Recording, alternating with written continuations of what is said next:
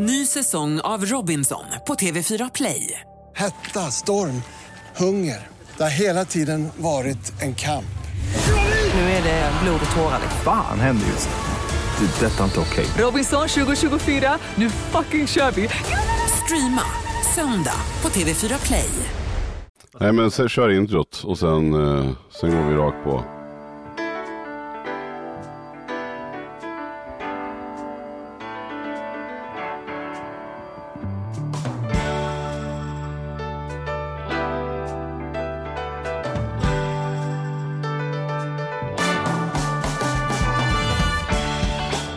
Och välkommen till Ekonomi på riktigt med Charles och Mattias. En podcast om ja, vardagsekonomi. Vi sitter och snicksnackar om eh, ekonomi och försöker skapa lite spännande diskussion, någonting sådant. Eller tyckte du det passade in? Eller? Ja, jag tyckte du sa, sa det bra. Ja, Vi samarbetar ju också med Tara, tidningen Tara. Terra. Som eh, ju hade sitt första nummer med oss här i början på september. Och eh, sen så ser vi snart fram, fram mot nästa nummer. Jag kollade inte noga, har de börjat döpa om tidningen så att från och med nu heter liksom så här, nummer ett i modern räkning? Ja, från det. det att Charlie och Mattias var Så heter med. den Tara, Charlie, Charlie och Mattias. Nej det gör den inte. Den heter Tara fortfarande. Okej. Men eh, vi har en frågespalt här, så gå in och ställ frågor. Ställ också frågor gärna till oss på Charlie och Mattias at gmail.com. Hör du, har du något spännande att komma med? Ja, jag var på... Vänta, det är en fluga i studion. Jag, jag har en fråga till dig. Alltså, Ja. jag var på maskeradfest i helgen. Ja, Jag var cowboy. Och gud det- vad tråkig utklädnad. Är Ah. Vad är du, är du åtta år eller? Nej men jag fick inte välja, det var, Nähä. det var cowboy-tema. Jaha, ja då. Okej. Ja. Så alla skulle vara cowboys. Vad var du för typ av och cowboy kopplingen är rätt, är rätt given därför att vi var ute på en hästgård. Mhm. Där, där, där en, en gård mitt ute i, i sörmländska skogarna med, eh, med hästar och stall. Och Var det någon som gjorde häst? Så här framsida, baksida? Ja, ja det, var en som, det var någon som kom och red in på riktiga hästar. Men så var det en som hade byggt om sin fyrhjuling Ja. till en häst. Ja, okej. Satt på ett hästhuvud. Inget, inget äkta hästhuvud dock då. Men, eh, Nej, det har varit lite mer men, men det är alltid det lite så här. Jag var på kostymförrådet och SVT så, och lånade lite kläder och pickadoll och hölster och, och sådär. Men det är, jag vet jag kan inte riktigt bestämma mig. Jag, jag gillar ju grejen därför att man bjuder till. Mhm. Eh, det finns någonting att så här, mm, kom på min fest och sen så klär ut dig. Då har alla bjudit till lite extra. Mm. Och det tycker jag är det fina med det där. Samtidigt så är det rätt sådär. Ja, det är lite pinsamt. Jag vet inte också. Vad- hur känner du för sådana här maskeradkalas? Tänk, det är ju en anledning till att fråga mig då, som är ju maskeradkille. Ja, liksom, jag vet. Det är därför jag frågar. Nej, men jag tycker att Jag det kanske friar... fråga förra veckan så jag hade fått lite Just pepp. det. Jag kan tycka att det friar upp lite. Alltså dels så blir det inte så mycket ågren kring så här, hur är du, hur är jag, utan det, det, liksom, det finns ju en lekfull ton.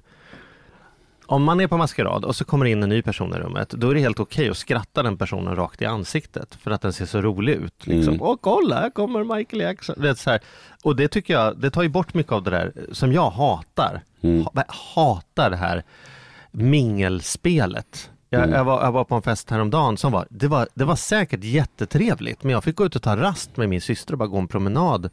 För, jag, för jag, jag märker att det kryper i mig där. Jaha, men gud hur är det med barnen då? Oj, nu är det tårta, men gud vad stor han har blivit. Jaha, men jobbar din... Du vet så här, Mm. så här, så här, du vill inte riktigt veta, jag vill inte riktigt svara. Eller, Nej. min fru älskar det. Hon bara smiter omkring där och har så mysigt och det är fantastiskt. Jag är eh, lite så svettig på överläppen hela tiden. Ja. Ja.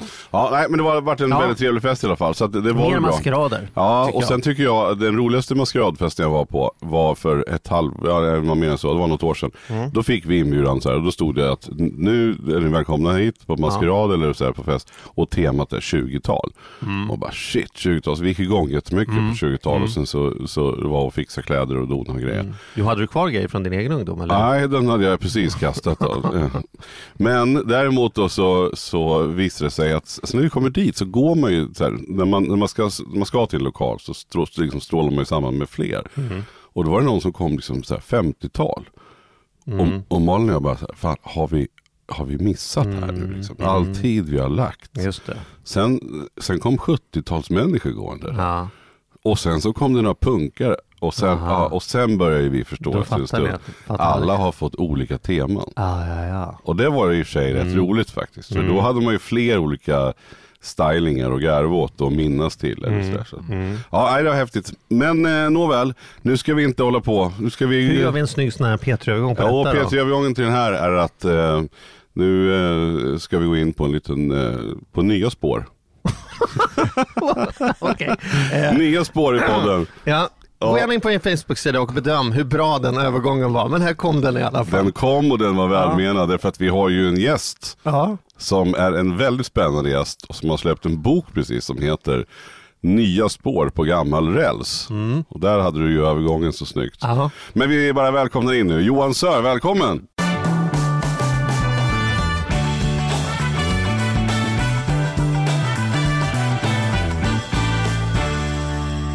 Tack så mycket. Tack. Snygg övergång tycker jag också. Ja, vad schysst. Härligheten funkar. Ja, sådär. Men, eh, men nu måste vi ta det här från början. Därför att det här tycker jag är så spännande. Du fick för dig och börja köra tåg på SJs gamla rälsar. SJs kassako Stockholm-Göteborg, exakt. Hur börjar, Um, hur börjar det då? Man sitter på X2000 och tänker så här, det här kan jag göra bättre, eller hur? Vad är liksom första mötet? Inte helt långt från sanningen. Nej, men om man ska backa bandet lite så... Um, Jag backar bandet hela vägen tycker Ja. jag. För det, det här Till är ju intressant. 20-talet? till 20-talet. Nej, det behöver du inte göra. Men, men så länge, från att du någonstans, från, ja hur började det? Men jag, jag var konsult i nästan sju år. Eh, jobbade mycket med flygbolag.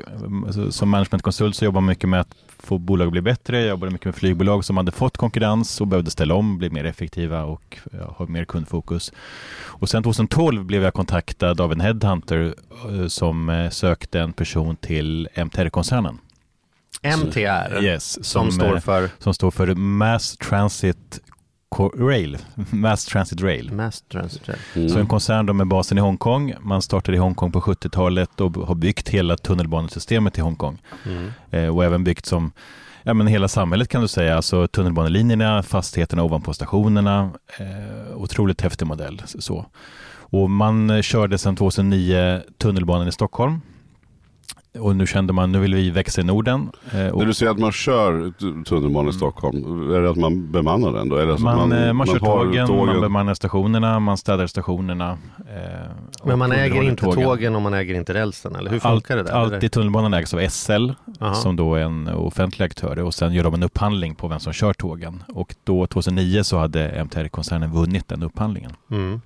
Och så man fanns i svenska marknaden. Sen i samma veva så då, nu är vi inne i 2012 då, så hade eh, hela tågmarknaden öppnats upp. Så vem som helst kunde ta upp kampen med SJ. SJ hade haft monopol i 150 år men nu kunde vem som helst starta en ny tåglinje.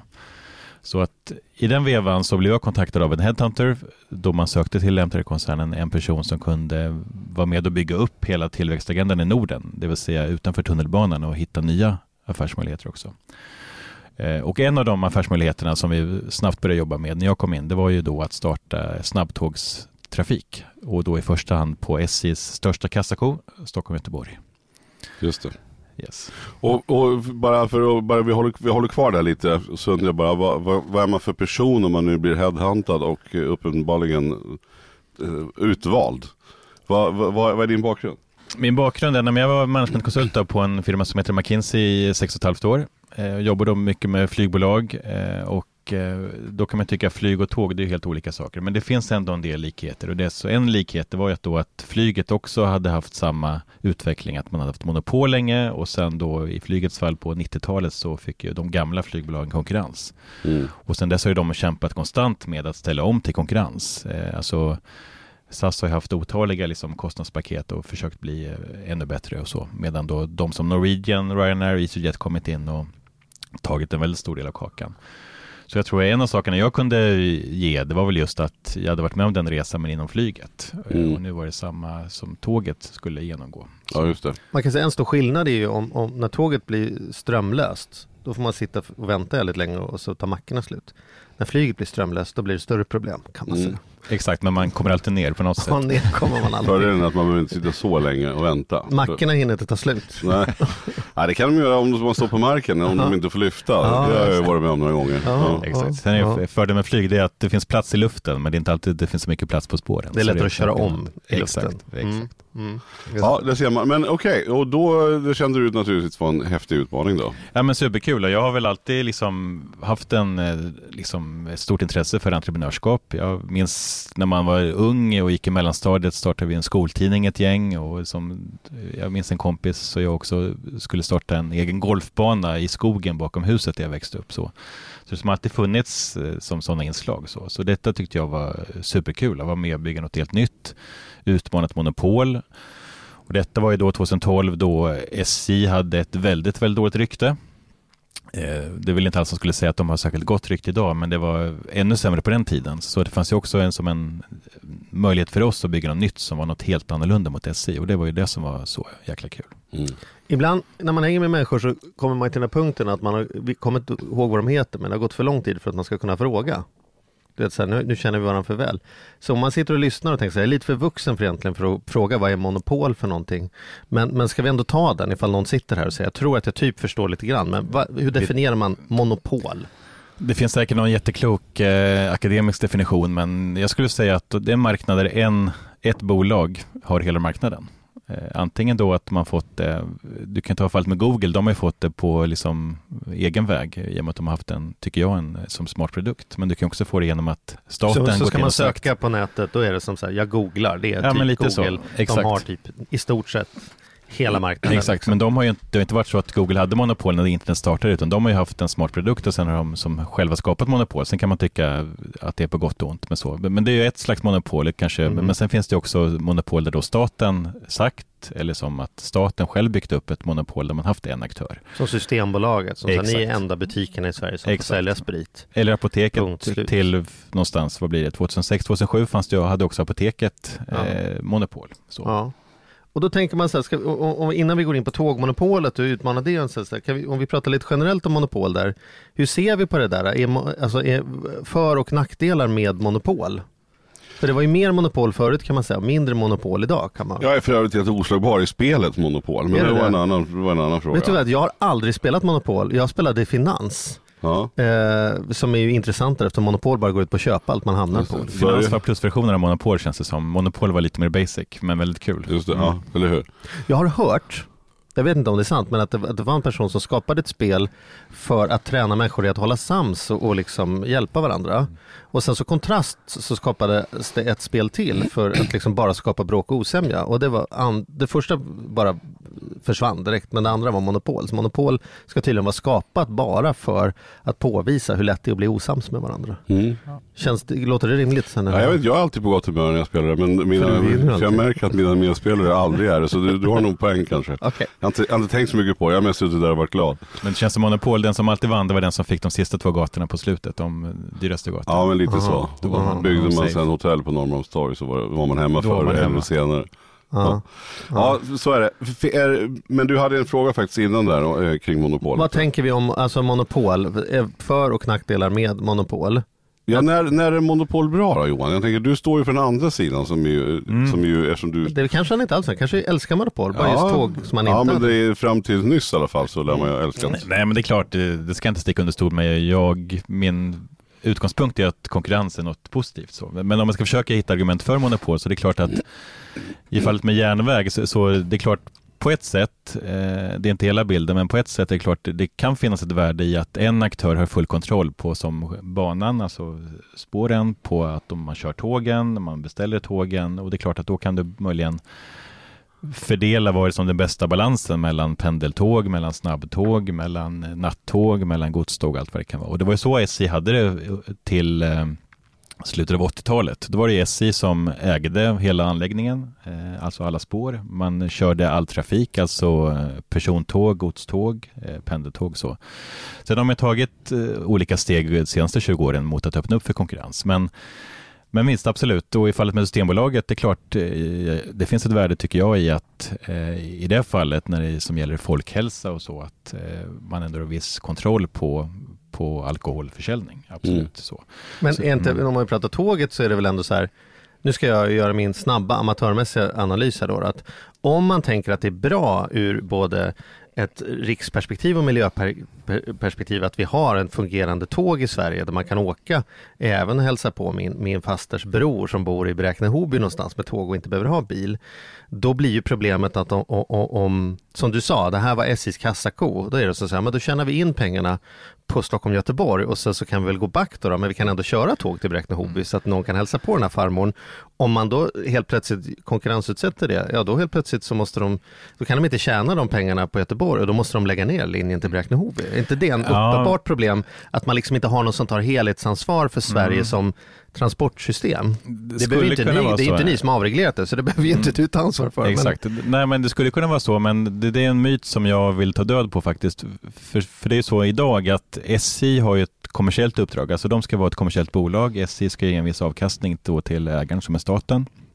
Eh, SJ idag har ingen skyldighet att eh, köra tåg på olönsamma linjer det, det togs, bort, togs bort för ganska länge sedan. Mm. Det som finns idag, nu blir jag lite teknisk, men det finns ju även upphandlad trafik. Alltså om du ser ett behov av trafik mellan, vad vet jag, Stockholm och nattåg upp till Norrland. Mm. Då gör staten en upphandling och sen tillför man skattesubventioner och sen den som vinner upphandlingen kör trafiken och då kommer det alltid finnas trafik oavsett lönsamheten på de andra linjerna. Är det Så. det man ser när man åker runt i Sverige och föreläser som jag gör ibland? Så är det pågatåg och det är allt vad de heter, de ena klurigare namn än den andra. Blåa vagnen eller vad heter de? Blåtåget, Blå det, det, är också en kommersiell eh, liten nischaktör. Men de här som, som är, ja, ja typ nej, men de lokala spelarna, Västtåg har det också. Ja, just det. Och i alla de fallen då är det då att det är då ofta landstingen eller staten i vissa fall som går in och gör en upphandling och sen den med ja, som gör det till lägst kostnad och högst kvalitet vinner upphandlingen och sen tillskjuter man skattemedel och sen kör man tågen. Så att det kommer alltid finnas ett basbehov, liksom basutbud av tåg oavsett hur mycket konkurrens SJ får.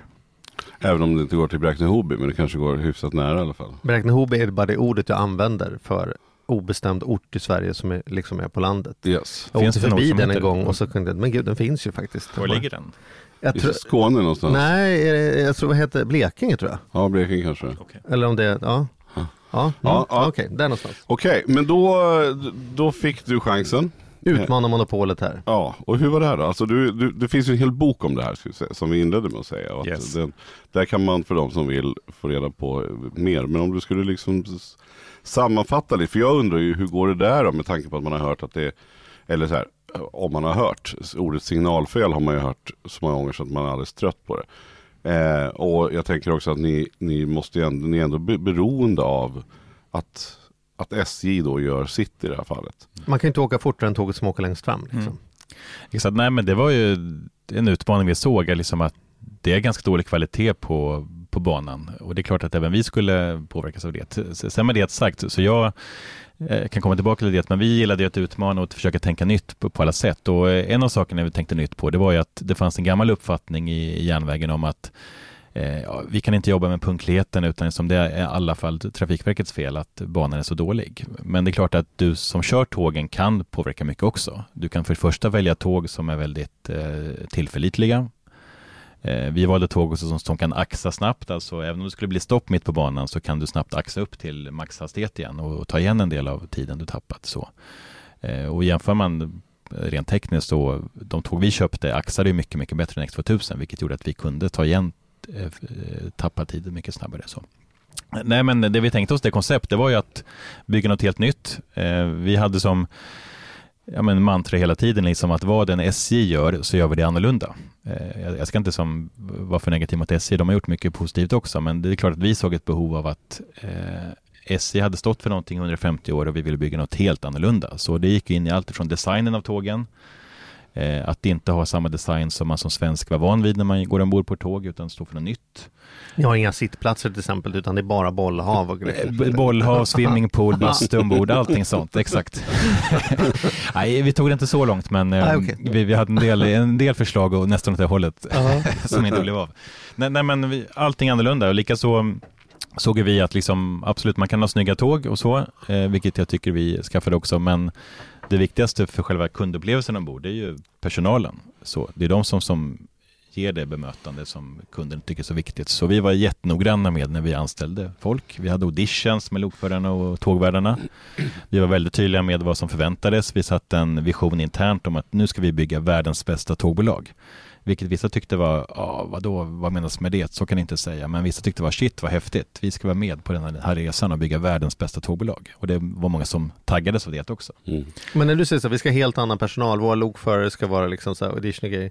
Det måste ju ändå vara, SJ måste ju varit er rekryteringsbas, punkt slut, som du säger. De har ju ändå varit de enda Är man lokförare eller är det väl där man har fått sin skola? Ja, men en del kommer från SJ, absolut, men jag skulle säga att de var kanske personer som just hade jobbat på SJ men ville ha något nytt nu Mm. och ville ha något annorlunda just. Och det är också en fördel med konkurrens att de anställda inom järnvägen får ju olika alternativ att välja på också, vilket är jättepositivt. Så. Men, men hur börjar man? För jag tänker så här att ska jag öppna en blomsteraffär är inte så svårt. Jag tittar, det finns ju, man kan ringa upp tre andra som har öppnat blomsteraffärer. Så ja, hittar en lokal så köper, hittar man en leverantör. Men när man ska börja med detta, det måste ju vara svårt att ens komma på vad ska vi börja med liksom? Hur, hur, Mm. hur vad, är det tillstånden man börjar med eller ska man liksom börja samla? Hur, hur gjorde ni? Mm. Det måste ju varit något whiteboardmöte Mm. som du hade pennan, okej, det här är gameplanen liksom. Exakt, Nej, men det fanns ju en del ganska tydliga steg. Dels som du är inne på, tillstånd måste man ju ha av myndigheterna att ens få som starta ett tågbolag och då gör ju de en koll av allt ifrån säkerhetssystem som det kallas, alltså kommer du kunna köra ett tåg med liksom säkerhet? Eh, De gör en bedömning av ekonomiska styrkan i bolaget och massa sådana saker. Så tillstånd var ju för första stämpeln att få. Sen, ehm, Är det svårt att få tillstånd för att köra tåg i Sverige eller? jag skulle säga om du har koll på koll på butiken så, så ska du få ett Mm. tillstånd, absolut. Mm. Så, men den största detaljen, det var ju förstås att ha tåg. Eh, Vad så- kostar ett tåg? Man brukar säga en meter tåg kostar en miljon. Och vi hade då 105 meter långa tåg. Mm. Ja, ni ett, då, hur, många, hur många lok hade ni eller har? Är det? Nej, vi hade inte lok. Det finns lite olika tåg. Nu ska jag inte bli för nördig då, men eh, vi hade ju motorvagnståg, det vill säga då har du inte ett lok utan då har du en enhet av tåget. Så att Ja. säga. Och sen har du längst fram då har du själva motorvagnen. Ja, okej. Så. Nej, men så, så den viktigaste detaljen det var att hitta tåg och det var inte helt lätt. Eh, som att hitta tåg och dessutom kunna få tågen snabbt. Vi ville ju komma igång snabbt. Vi ville ju som ta ändå en first mover advantage som man säger på engelska. Alltså var den första större utmanaren till SJ. Så vi eh, åkte runt och led, jagade tåg. Vi var i England och kollade, vi var nere på kontinenten. Eh, vi, jag minns en gång var vi i Tyskland på ett stort fält eh, ute på tyska landsbygden där Deutsche Bahn, alltså tyska SJ, som är som en megabolag, hade ställt upp alla tåg de ville bli av med. Och de hade dealen då att om du inte skulle gå in på tyska marknaden kunde du få köpa loss de tågen, men om du skulle gå in och ta konkurrensen med Deutsche Bahn, då fick du inte köpa de tågen. Men det var ju då gamla pendeltåg som hade byggts i Östtyskland på 80-talet. Så Mm. det var, det var inte den standard vi ville stå för. Men sen slutade det med att vi hittade tåg i Schweiz. Eh, en ganska nytänkande som schweiziskt bolag som, som byggde tåg. Och de hade en produktionslina igång för norska NSB som är då norska SJ och då såg vi en chans att klämma oss in i den produktionslinan vilket var Mm. ett sätt att få tågen snabbt.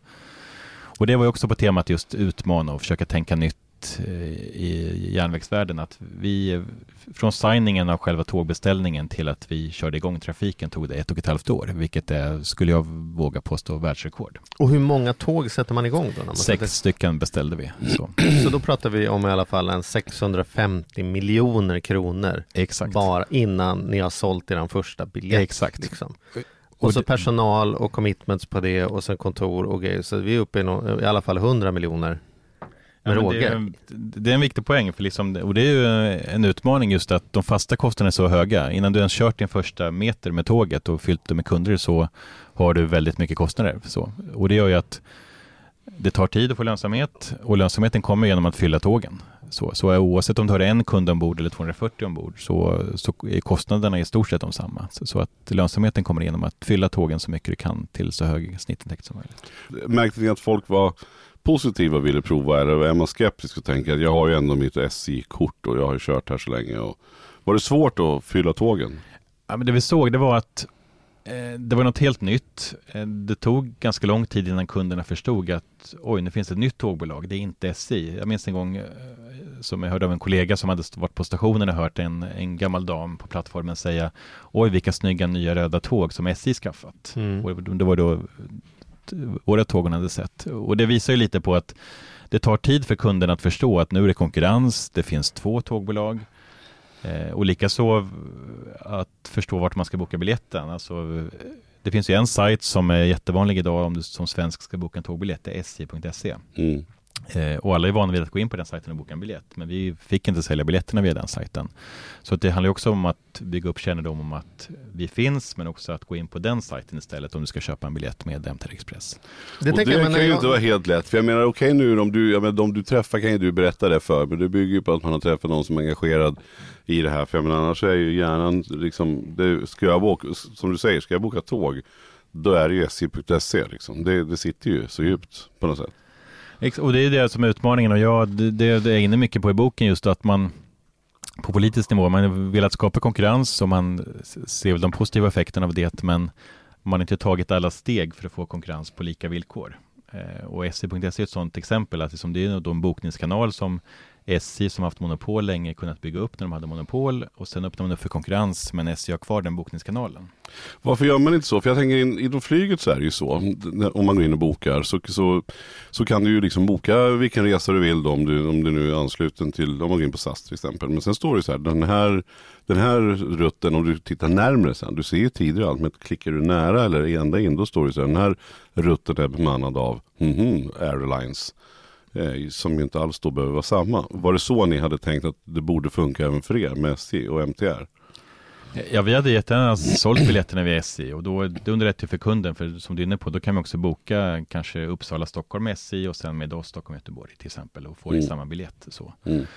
Eh, och, och, det är ju... Men är det bara ja. ni som inte är med där? För att de här de jag nämnde tidigare, de här Västtåg och Pågatåg och sådana här saker, de är ju ändå alla de finns med. Det finns två tåg, tågbolag som SJ nekat hittills och det är då eh, MT Express och sen Saga Rail som kör mellan eh, Linköping och Stockholm också. Varför gör de det då? Ja, du får gå till SJ men jag tror SJ hävdat då att vissa av bolagen är komplement hävdar de medan då eh, de såg oss och Saga Rail som konkurrenter och då ville man inte släppa in oss i, i Men det har de väl rätt i?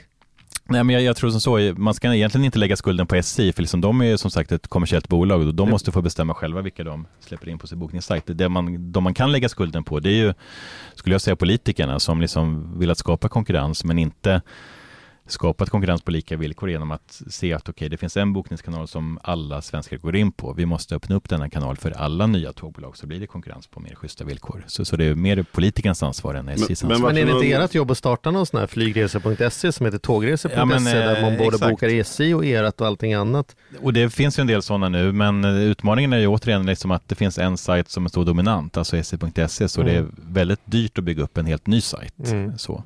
Mm. Men vart det någon skillnad? För jag tänker idén kom ni på att 12 och då var det ett annat styre i landet och sen så, så under den här tiden och lagom när tågen kom så var det ett, ett annat politiskt styre.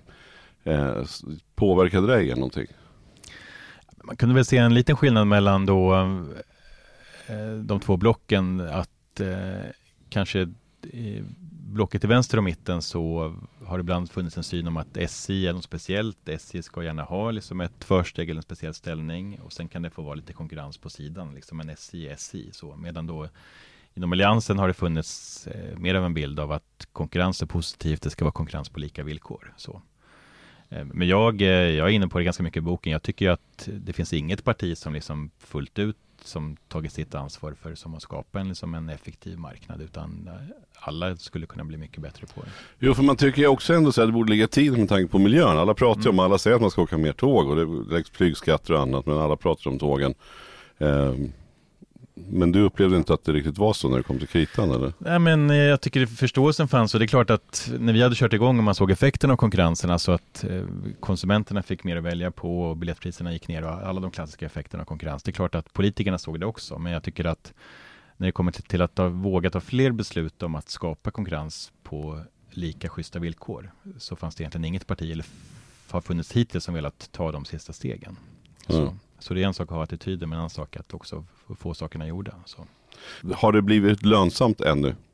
Nej men det, det, det är ju officiella siffror så.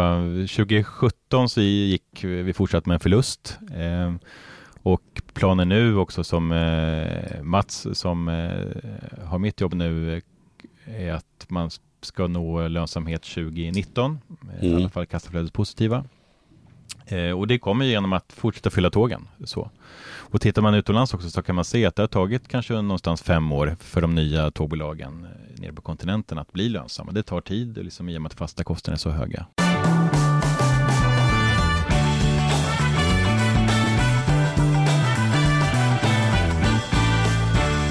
Men, men vad, vad tänker du då? För det här tycker jag, ju- den här, det har ju varit ett val nu. Det har ju liksom ingen kunnat missat. Och där har det ju varit mycket fram och tillbaka det här med, med, med, med den fria marknaden och inte. Och på vänstersidan så är man ju sådär att på skolor och annat, eh, varför ska det finnas ett vinstsyfte? Varför ska någon tjäna massa pengar på det här? Eh, det kommer ju göra att kvaliteten blir mindre. Eh, är ju argumenten där. Och, och vad tänker du kring specifikt med det som du har jobbat med? Och, blir det så, om ni har chans att börja tjäna pengar, då, då tas det väl ut utdelningar och ägarna får feta löner och du, din månadslön ökar rätt rejält och tågen tuffar på. Eh, kom, förstår, jag? du har frågan. Ja, nej, men jag, jag är stort fan av konkurrens och jag tycker ju, det viktigaste är ändå att se vad är som effekterna för konsumenterna. Och liksom, då ser man, som man har sett i alla fall när det, är som, eh, det blir konkurrens, alltså biljettpriserna går ner, eh, alla anställda inom järnvägssektorn får nya alternativ att välja på, eh, du får som, fler tåg att välja på, kvaliteten går upp. Så liksom, alla de positiva effekterna ska man inte underskatta. Skolan i sig kanske är ett annat exempel och där, där finns det lite andra överväganden tänker jag. Men som överlag så konkurrens ger en massa positiva effekter. Så, så det måste man ju tycka eh, är positivt för, för alla. Så. Sen kan man lägga upp konkurrens på olika sätt och jag tycker att, eh, och det är också en av budskapen i boken, att man inte gjort sin hemläxa fullt ut när det kommer till järnvägen just. Till, till exempel som sak som att vi ska köpa nya tåg som ska hålla i 25 år, men vi får en tidtabell ett år i taget. Så man kan aldrig vara säker på vad är vår tidtabell två år bort, så, vilket ger en väldig osäkerhet förstås också. Men, men är, är det så enkelt att säga att konkurrens gör att det blir bättre för kunden? Men titta på hur det ser ut på apotekssidan när man tog bort eller liksom släppte monopolet på apotek och sen helt plötsligt så är det tre apotek i Bagarmossen centrum. Man tänker så här, det här fattar ju vem som helst att det här går, någon måste ju betala för det här kalaset och i slutändan lär det ju bli jag som bor i Bagarmossen. På något sätt blir det ju ändå inte självklart att medicinen finns hemma på samma sätt för det blir dyrare att hålla det i lag. Ja men du förstår, köra olönsamma. Jag får inte mitt 20-30 tåg från Göteborg för det är inte det lönsammaste och vi måste spara in pengarna. Det, är, du, är du inte lite troende när du säger så här, ja men konkurrens leder alltid till att det blir lägre priser och bättre Ja men, det, produkter? ja, men ja, fast det är ju faktan och alltså det är ändå på något sätt kundnyttan som, som måste väga tyngst. Och sen, men det man också kan se ofta det är ju att när det just blivit konkurrens då kommer det kanske en del nya bolag. Det såg man inom flyget också. Sen kommer kanske på sikt inte alla de överleva utan eh, ofta kan man se att lönsamheten går ner. Tittar du inom tåg eller järnväg nu så det mest lönsamma tågbolaget idag det är ju SJ. Och, eh, och de gör en avkastning som är otroligt hög faktiskt. Och det kan, Ja, SJ-cheferna har ju inte historiskt kört dåligt direkt om vi säger så. Nej, och liksom tittar du på avkastningsmål och sånt som staten satt upp och vad SJ ligger på nu så är det en väldigt, väldigt hög avkastning som de ger. Och det är klart att på sikt kan det bli även en debatt om det. att Tjänar SJ för mycket pengar? Medan kan vad är att- avkastningen på, vad gör SJ i vinst? Nej men senast eh, jag kollade så gjorde SJ någonstans mellan 15 och 20 procent i avkastning Ja. på, på sitt kapital, vilket är väldigt högt vad du jämför med. Så. Ja. Samtidigt du kan också se att de nya bolagen då, inklusive MT Express än så länge i stort sett är olönsamma. Mm. Det kanske finns något litet exempel där man är som break-even i alla fall, men annars är ju de flesta nya bolag olönsamma. Så det är klart att även där finns det en obalans, liksom att den gamla monopolisten är de som hittills tjänat mest på konkurrens, medan de nya bolagen är olönsamma. Men, Men alltså du, ni- du, var ju ändå, du var ju ändå fem år. Alltså blir man frustrerad? Blir man så här, vad fan, alltså det här gör vi allt. Vi, vi hittar tåg, vi sliter som djur. Eh, vi jobbar, försöker tillgodose ägarna och vi måste någonstans komma upp på break-even och vi är inte där efter fem år. Eh, blir man frustrerad eller förbannad? Eller vad? Nej, man blir mest taggad tycker jag. Alltså, och man känner väl att liksom, nej, fortsätta jobba hårt för- för att liksom nå dit vi vill. Och vi ökade ju stadigt, alltså intäkterna och ökade ju otroligt snabbt. Vi eh, startade igång tågtrafiken 2015 och 2017 gjorde vi en god bit över 200 miljoner i omsättning. Så som vilken startup man jämför med så ökade vi väldigt snabbt. Mm. Men det är klart liksom att eh, det är kul att bli lönsam någon gång också. Mm. Så, men sen som sagt, det- det tar tid i ett tågbolag att bli lönsam och det, det visste vi från, början också. Vad händer i framtiden då? Om vi tror, vad tror du om, om järnvägens framtid i Sverige. Det pratas ju Den om är ljus. Är rätt vad det är så pratas det om att det ska vara några asiatiska ultrasnabba liksom, eh, motorvägar av tåg och, och andra sidan pratar vi om att vi inte ens har råd att underhålla de banvallarna vi har idag.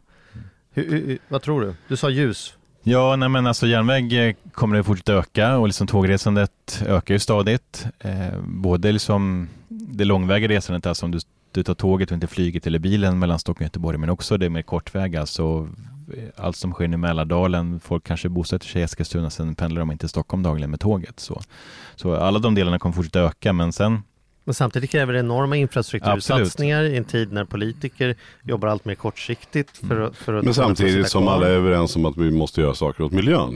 Det är väl Ja. det som talar verkligen mycket för. Det är det som talar för det och att också det, man vet ju att järnvägen ganska länge varit eftersatt. Man la sedan 80-talet eh, för lite pengar på underhåll och det, det man nu försökt ta ikapp men det tar ju tid att komma ikapp också. Men tycker du man har gjort det? Jag har ju, kan ju jättesvårt att bedöma Mm. om vi satsar tillräckligt på järnvägen idag för att den ska kunna vara fit for fight om två, tre år eller fem år. Eller. Så Ja, tycker du att vi säga- har balanserat upp det där? Ja, nu är man på väg att komma ikapp. Alltså, både 80 och 90-talet var det ju som inte så mycket järnväg som man ville satsa på utan det var flyget och bilen och så. Men nu har man ju som insett att inte minst av miljöskäl så är järnvägen jätteviktig. Så att sen i alla fall fem sex år tillbaka så lägger man mycket mer pengar på underhåll av järnvägen, vilket är viktigt. Och du tror att det räcker?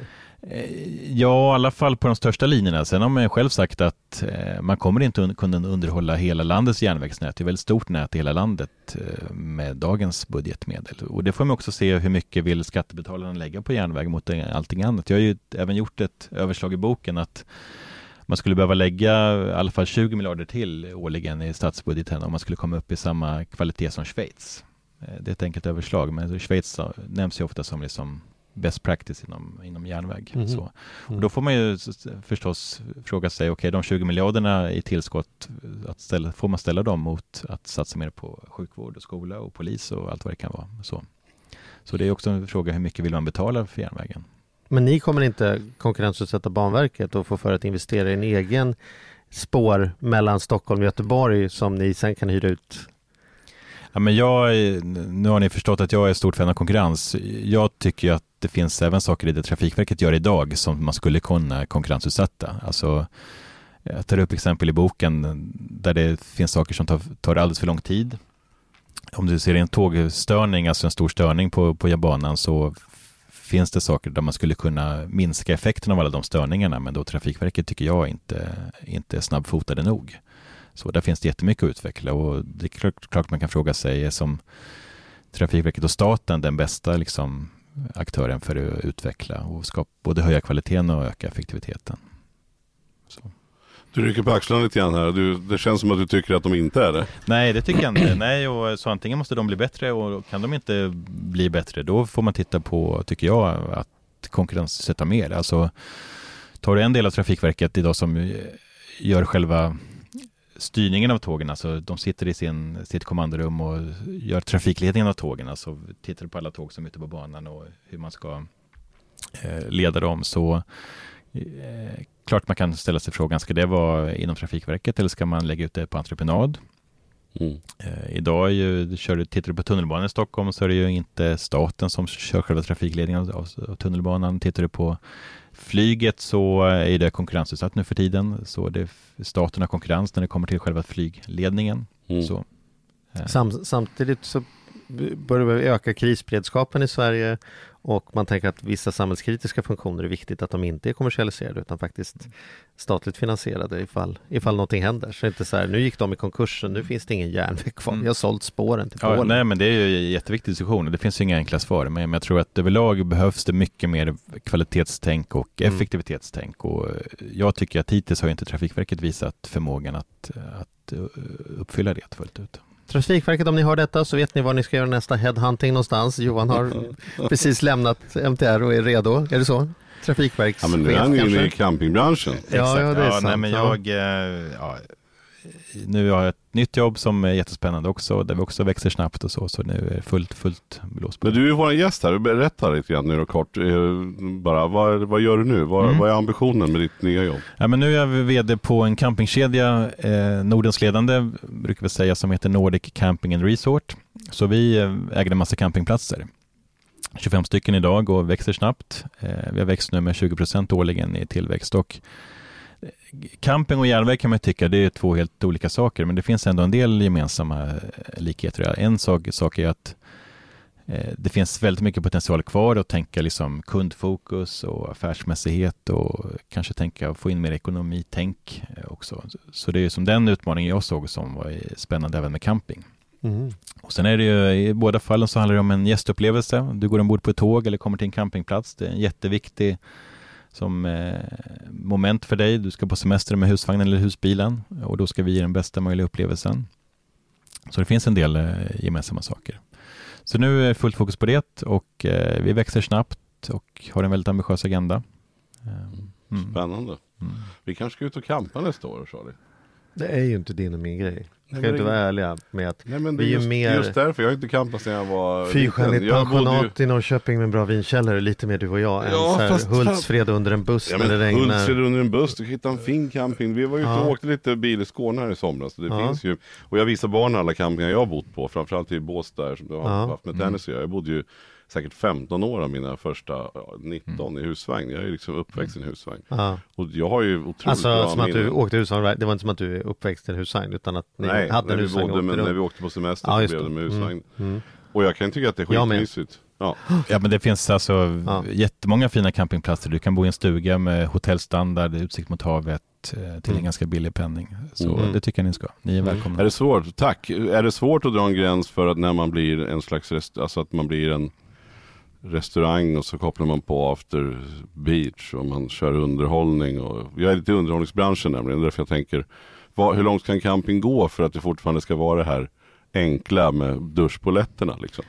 Nej, men det vi kan se är att gästernas förväntan ökar mer och mer och överlag så är folk mer bekväma idag än för 20 år sedan. Mm. Så det är klart att vi höjer standarden kontinuerligt, både på duscharna och på liksom matutbud och underhållning och allting sånt. Mm. Så idag är det mer av en camping idag, är mer av en resort där det finns kanske swimmingpool och barnklubb och eh, massa sådana saker också. Mm. Det, det är ditåt vi går? Liksom. Absolut, absolut.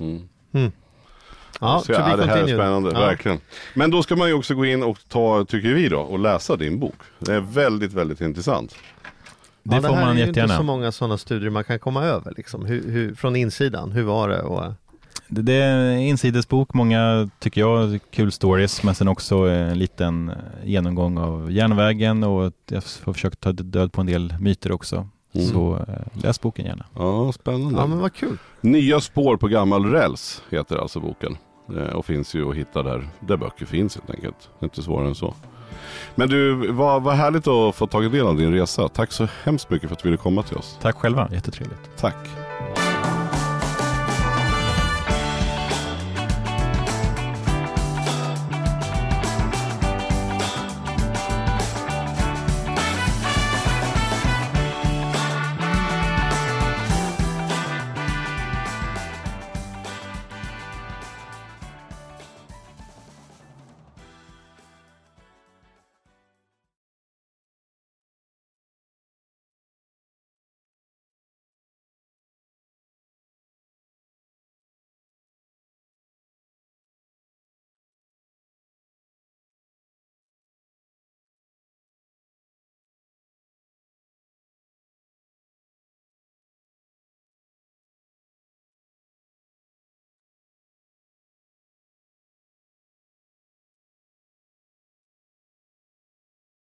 Ny säsong av Robinson på TV4 Play.